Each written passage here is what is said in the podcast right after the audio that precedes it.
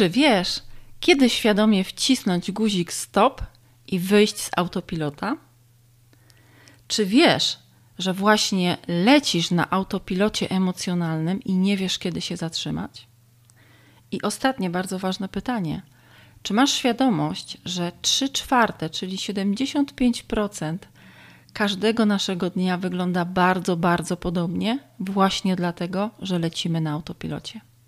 W dzisiejszym odcinku rozwieję wszelkie wątpliwości i odpowiem na wiele pytań związanych z tym, czym jest stan autopilota w naszym życiu. Zapraszam. Menadżer sercem jest dla Ciebie, bo dotyczy emocji, zarówno w biznesie, jak i w życiu.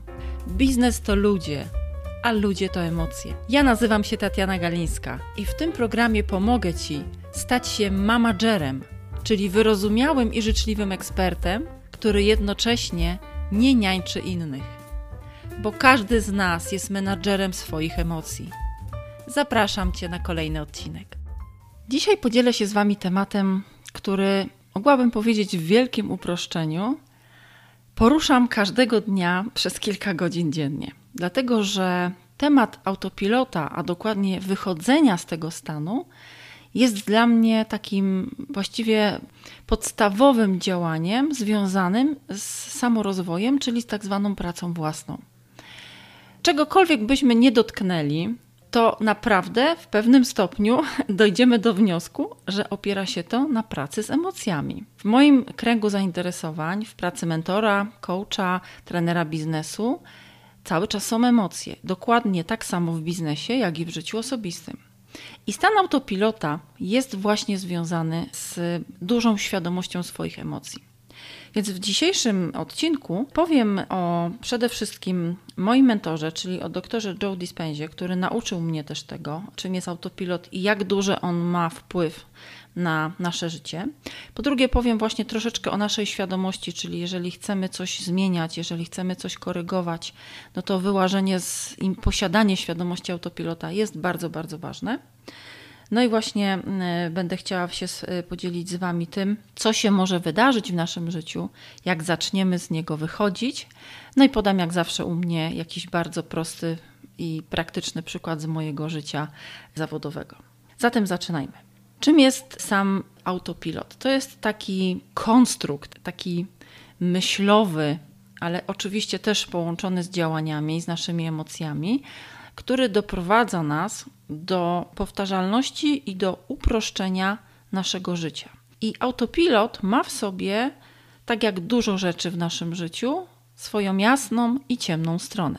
No właśnie, strona jasna to jest ta, że każdego dnia, kiedy wstajemy rano, nie musimy podejmować pierdyliona jakże ważnych i arcytrudnych decyzji, w jakiej kolejności ułożyć sobie poranek, co najpierw siku, czy może zęby, a może kawa, czy kanapki.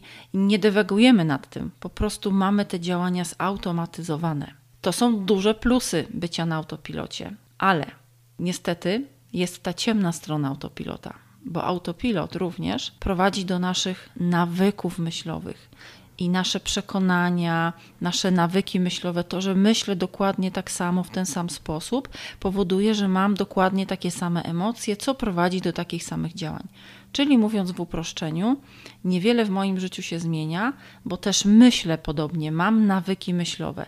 Nie wiem, czy znacie ten schemat, ale on jest bardzo prosty, a jednocześnie bardzo, bardzo ważny i Y, myślę sobie właśnie, że bardzo ważną rzeczą jest zapamiętać tą kolejność, że myśli prowadzą do emocji, a emocje prowadzą do działań.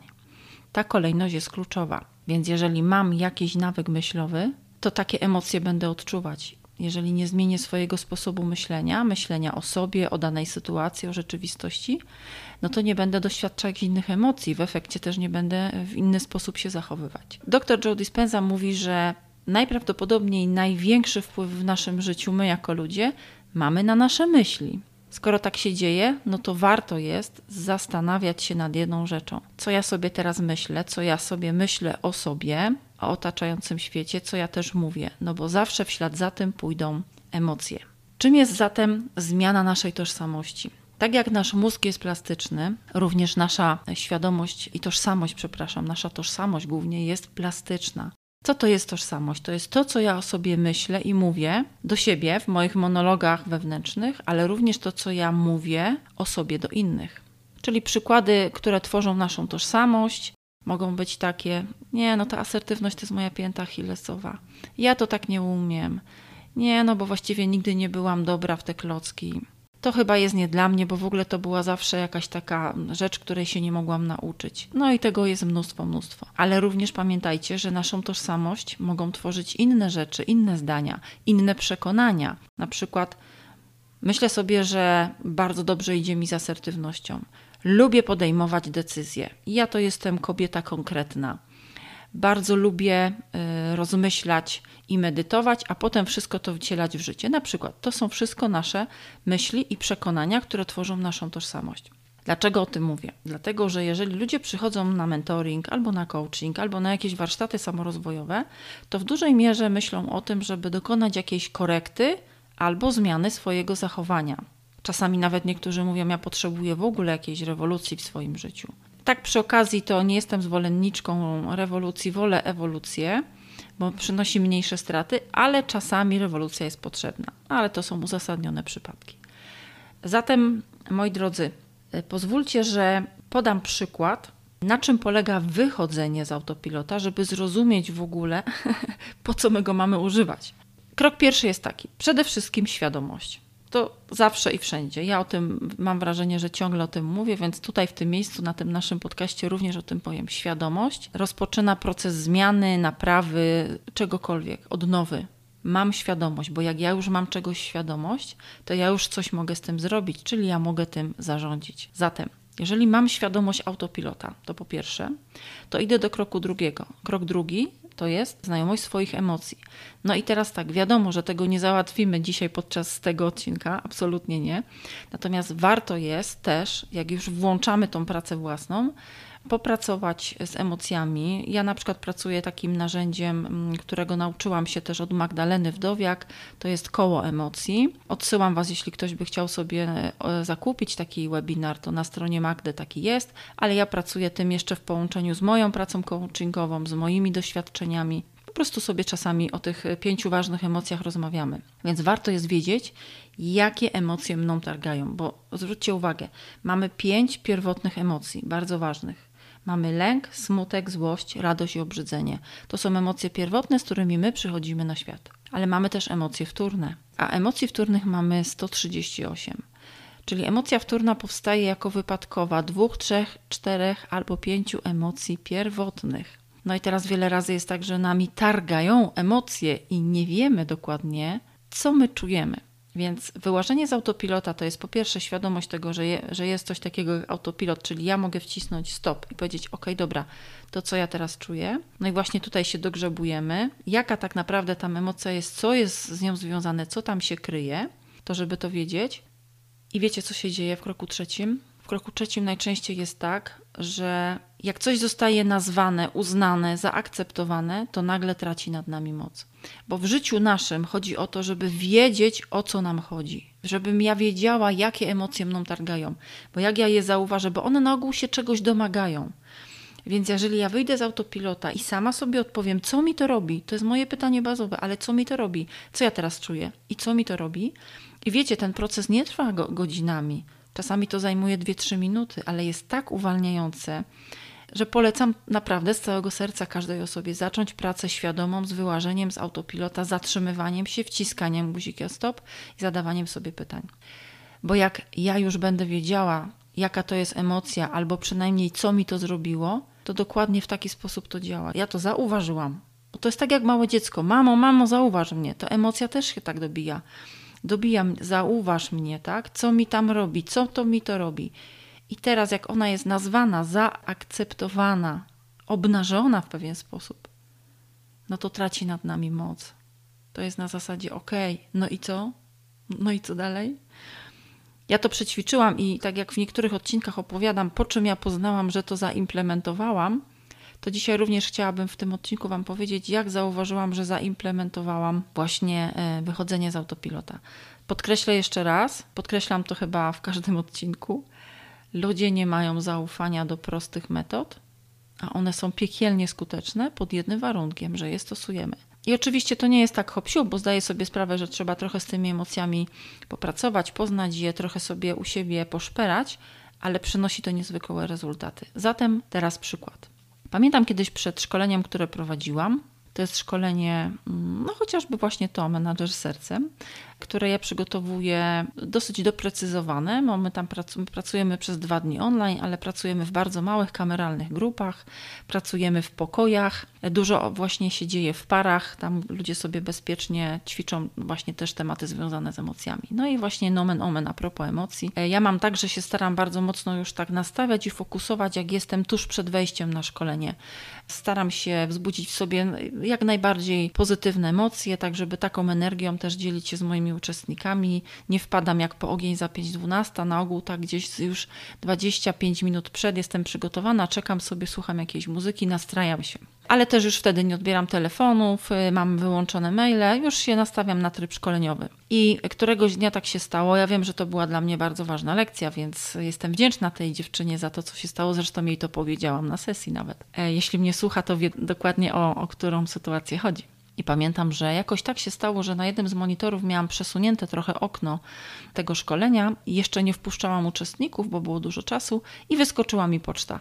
I na tej poczcie właśnie taka informacja się pojawiła od jednej z uczestniczek, że ona nie może przyjść na to szkolenie. Dyrektor kazał jej przyjść do pracy, wezwał ją, zawezwał z jakimś super ważnym tematem, no i, no i tyle. I ona mnie o tym informuje, czy może przyjść w innym terminie. I wiecie co, ja zostałam tym mailem wytrącona z równowagi, to jest jedno, ale ja się wkurzyłam.